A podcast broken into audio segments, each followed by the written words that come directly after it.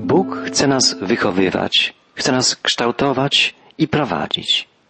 Pragnie, byśmy duchowo dojrzewali przez całe życie. Tak jak niezbędny jest fizyczny i psychiczny rozwój człowieka, tak konieczny jest jego ustawiczny rozwój duchowy. Konieczny jest i potrzebny nawet bardziej. O tym właśnie opowiada dwunasty rozdział listu do Hebrajczyków. Autor listu na wstępie podkreśla, że za wzór w naszym życiu wiary powinniśmy brać sobie ludzi, którzy nas poprzedzali, bohaterów wiary, o których pisał wcześniej, a przede wszystkim powinniśmy stale mieć przed oczyma jako przykład postać doskonałego człowieka, Boga, Jezusa Chrystusa. Wpatrujmy się w Jezusa, który prowadzi nas na drodze wiary od początku aż do końca, apeluje autor listu. I podkreśla, on, zamiast radości, która była dla niego przeznaczona, wziął na siebie krzyż cierpienia, nie zważając na hańbę i zasiadł po prawej stronie tronu Boga.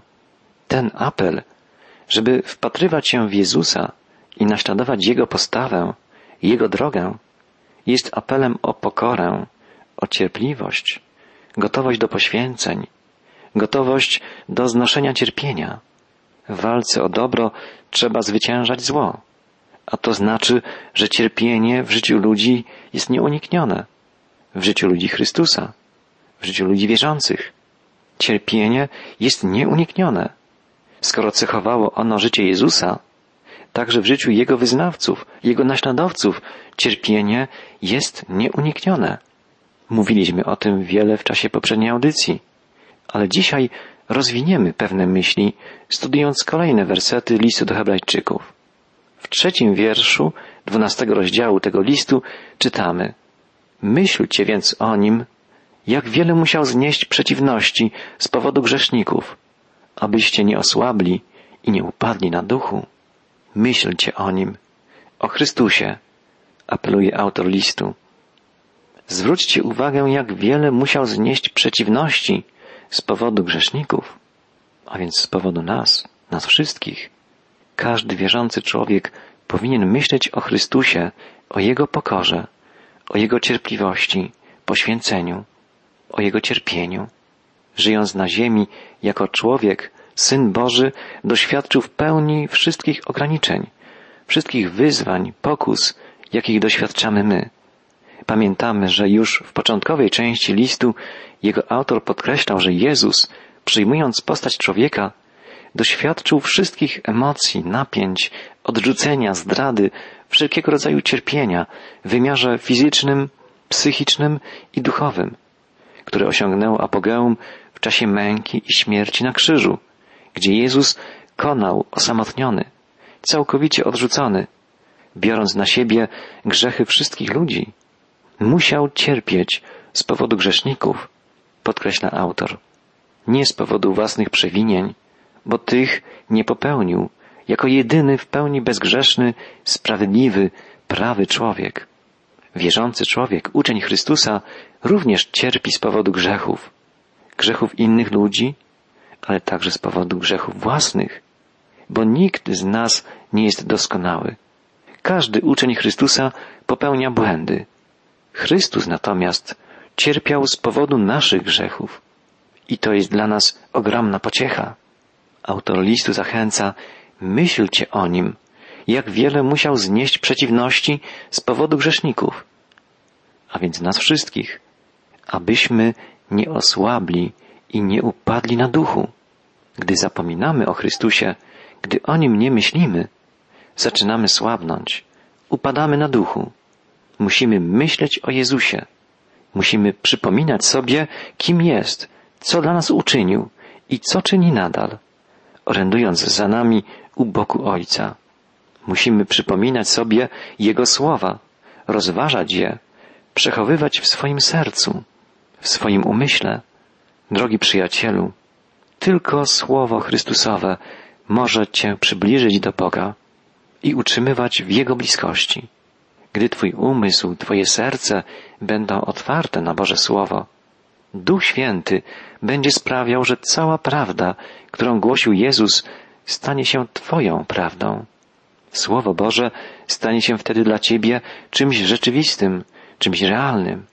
Będzie wpływało na to, jak myślisz, co czujesz, jak postępujesz. Będzie kształtowało Twoje życie na co dzień. Jeśli tak się nie dzieje, zaczynasz słabnąć, upadasz na duchu, zaczynasz koncentrować się na problemach, na przeszkodach, trudnościach. Z tej przyczyny widzimy tak wielu ludzi wierzących, bardzo chwiejnych, słabych, leniwych, skoncentrowanych na sobie, letnich, podatnych na błędne nauki, niezdecydowanych, powątpiewających, zmartwionych, przygnębionych. Musimy żyć Bożym Słowem, pozwalać, by nas prawda Boża przemieniała, kształtowała, by Słowo Boże przybliżało nas do żywego Pana, Jezusa Chrystusa. Wtedy u Jego boku, w Jego bliskości doznamy posilenia, doznamy pociechy, wzmocnienia, natchnienia. Wpatrujmy się w Jezusa, który prowadzi nas na drodze wiary. Myślmy o Nim, myślmy, co dla nas grzeszników uczynił. Wsłuchujmy się w Jego słowo. Przebywajmy w Jego bliskości, w szczerej modlitwie, w medytacji nad prawdą Jego słowa, Jego czynu, Jego miłości, dobroci. A wtedy nasze życie będzie nacechowane stale świeżą treścią pierwszej miłości. Będziemy trwali w bliskiej, intymnej łączności z Nim, naszym Stwórcą i Zbawicielem. Nasz Pan pragnie stale dodawać nam sił, żebyśmy nie osłabli i nie upadli na duchu. Myślcie o Nim, apeluje autor listu. I dalej podkreśla, w walce z grzechem nie musieliście jeszcze przelać ani kropli swej krwi. Chrześcijanie, do których adresowany był list, znajdowali się w trudnej sytuacji. Przechodzili przez trudne doświadczenia, ale nie musieli przelewać swojej krwi. To znaczy, nie doświadczali takich prześladowań jak ci chrześcijanie, którzy żyli i ginęli za rządów Nerona. Walka o przetrwanie nie jest dla nich walką na śmierć. Autor listu mówi dosłownie o opieraniu się aż do krwi. I tym zwrotem nawiązuje do czasów powstań machabejskich, kiedy dowódcy w ten właśnie sposób zwracali się do swoich żołnierzy idących do walki na śmierć. Przypomnijmy, że Machabeusze byli przywódcami walk o wyzwolenie Jerozolimy w okresie pomiędzy Starym a Nowym Testamentem. Pragnąc zmobilizować Hebrajczyków do odważnej, wytrwałej postawy, autor listu przypomina im o zmaganiach, cierpieniach ich przodków, walce o wiarę. Już wcześniej pisał autor o tych, którzy znosili szyderstwa, biczowanie, byli wtrącani do więzienia, kamienowani, paleni, przecinani piłą, ścinani mieczem. Byli tacy, którzy tułali się ledwie okryci kozimi czy owczymi skolami, żyli w nędzy, znosili prześladowania, poniewierkę, błąkali się po pustyniach i górach, kryli się po jaskiniach i wąwozach. O tym wszystkim już czytaliśmy. W poprzednim rozdziale listu o tym autor pisze. Rozdział ten jest poświęcony bohaterom wiary, patriarchom, prorokom, a także tym, którzy ginęli w walce o wiarę na krótko przed przyjściem Chrystusa. W drugim wieku przed Chrystusem miały miejsce prześladowania Żydów, o których powinien wiedzieć każdy chrześcijanin, ponieważ gdyby Żydzi wyrzekli się wtedy swojej wiary, Jezus nie przyszedłby na ten świat. Autor listu do Hebrajczyków wyraźnie odwołuje się do tych czasów. Pisze o okrutnych prześladowaniach, a potem, cytując zwrot pochodzący z okresu walk machabejskich o opieraniu się aż do krwi. W połowie II wieku przed Chrystusem najazdu na Jerozolimę dokonał Antioch Epifanes, król syryjski, który chciał wyplenić, wyniszczyć Żydów i ich wiarę.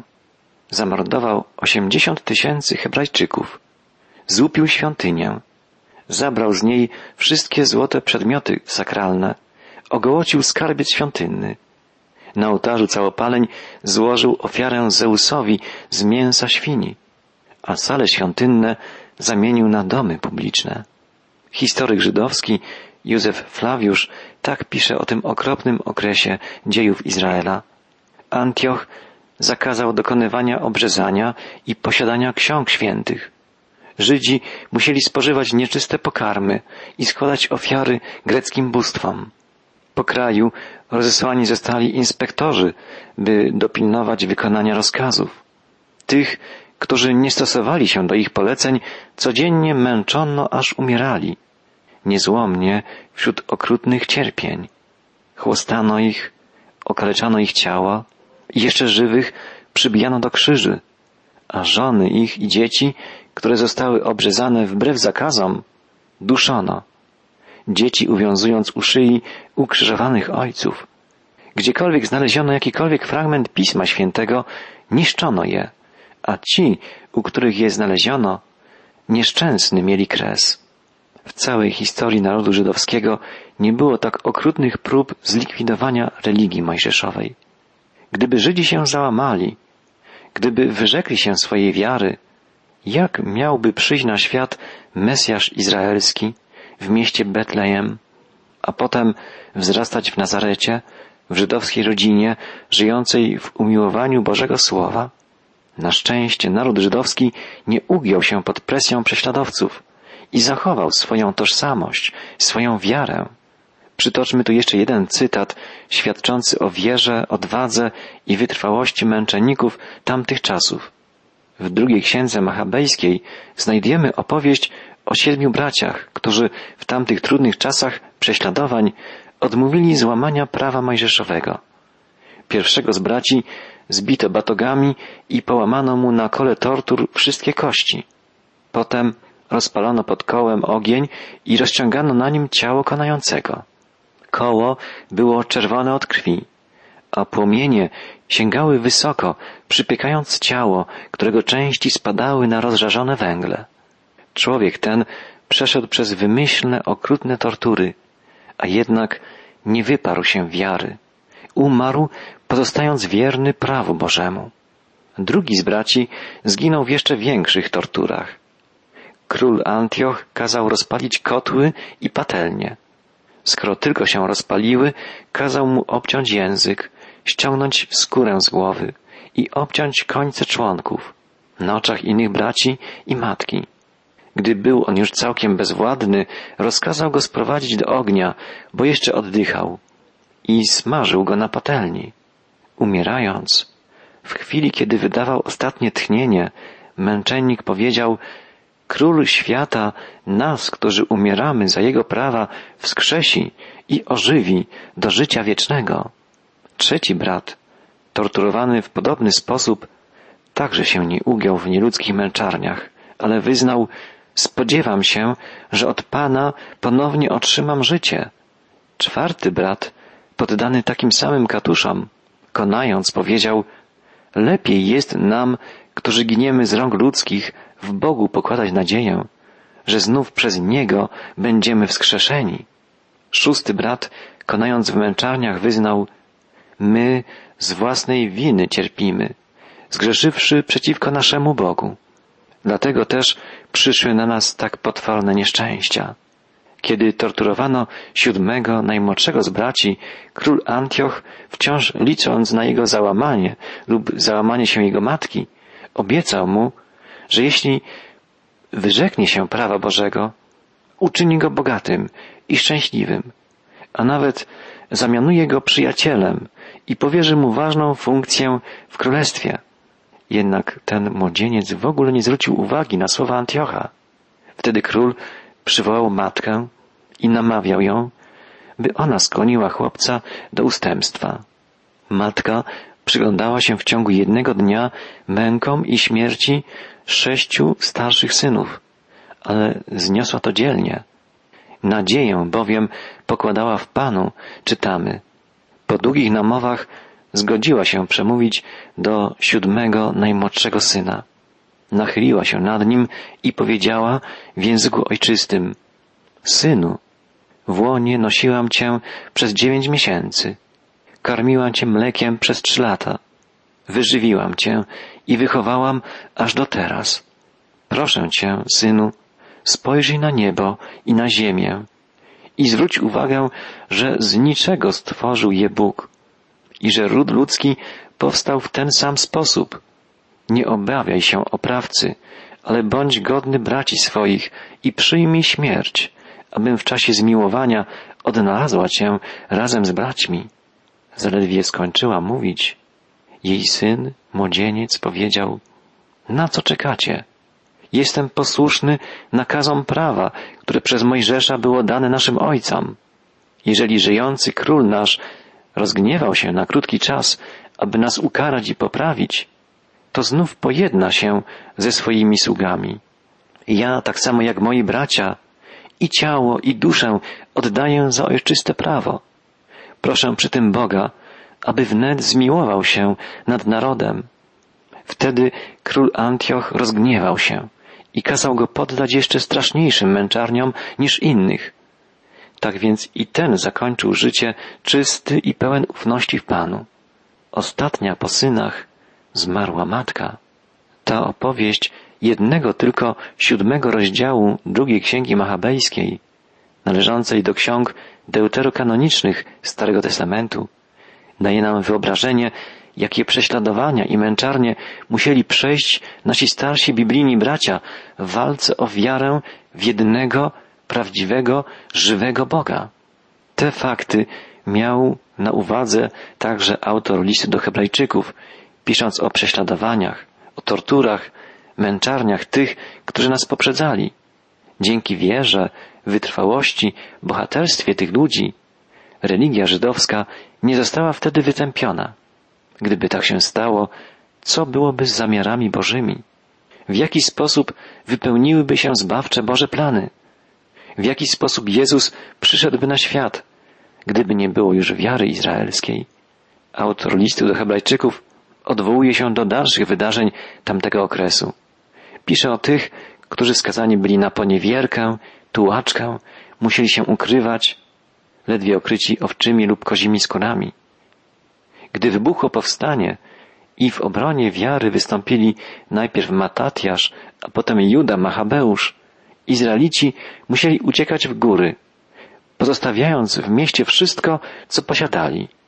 Niektórzy wycofali się na pustynię i tam, podobnie jak dzikie zwierzęta, spędzali życie. Kryli się w jaskiniach.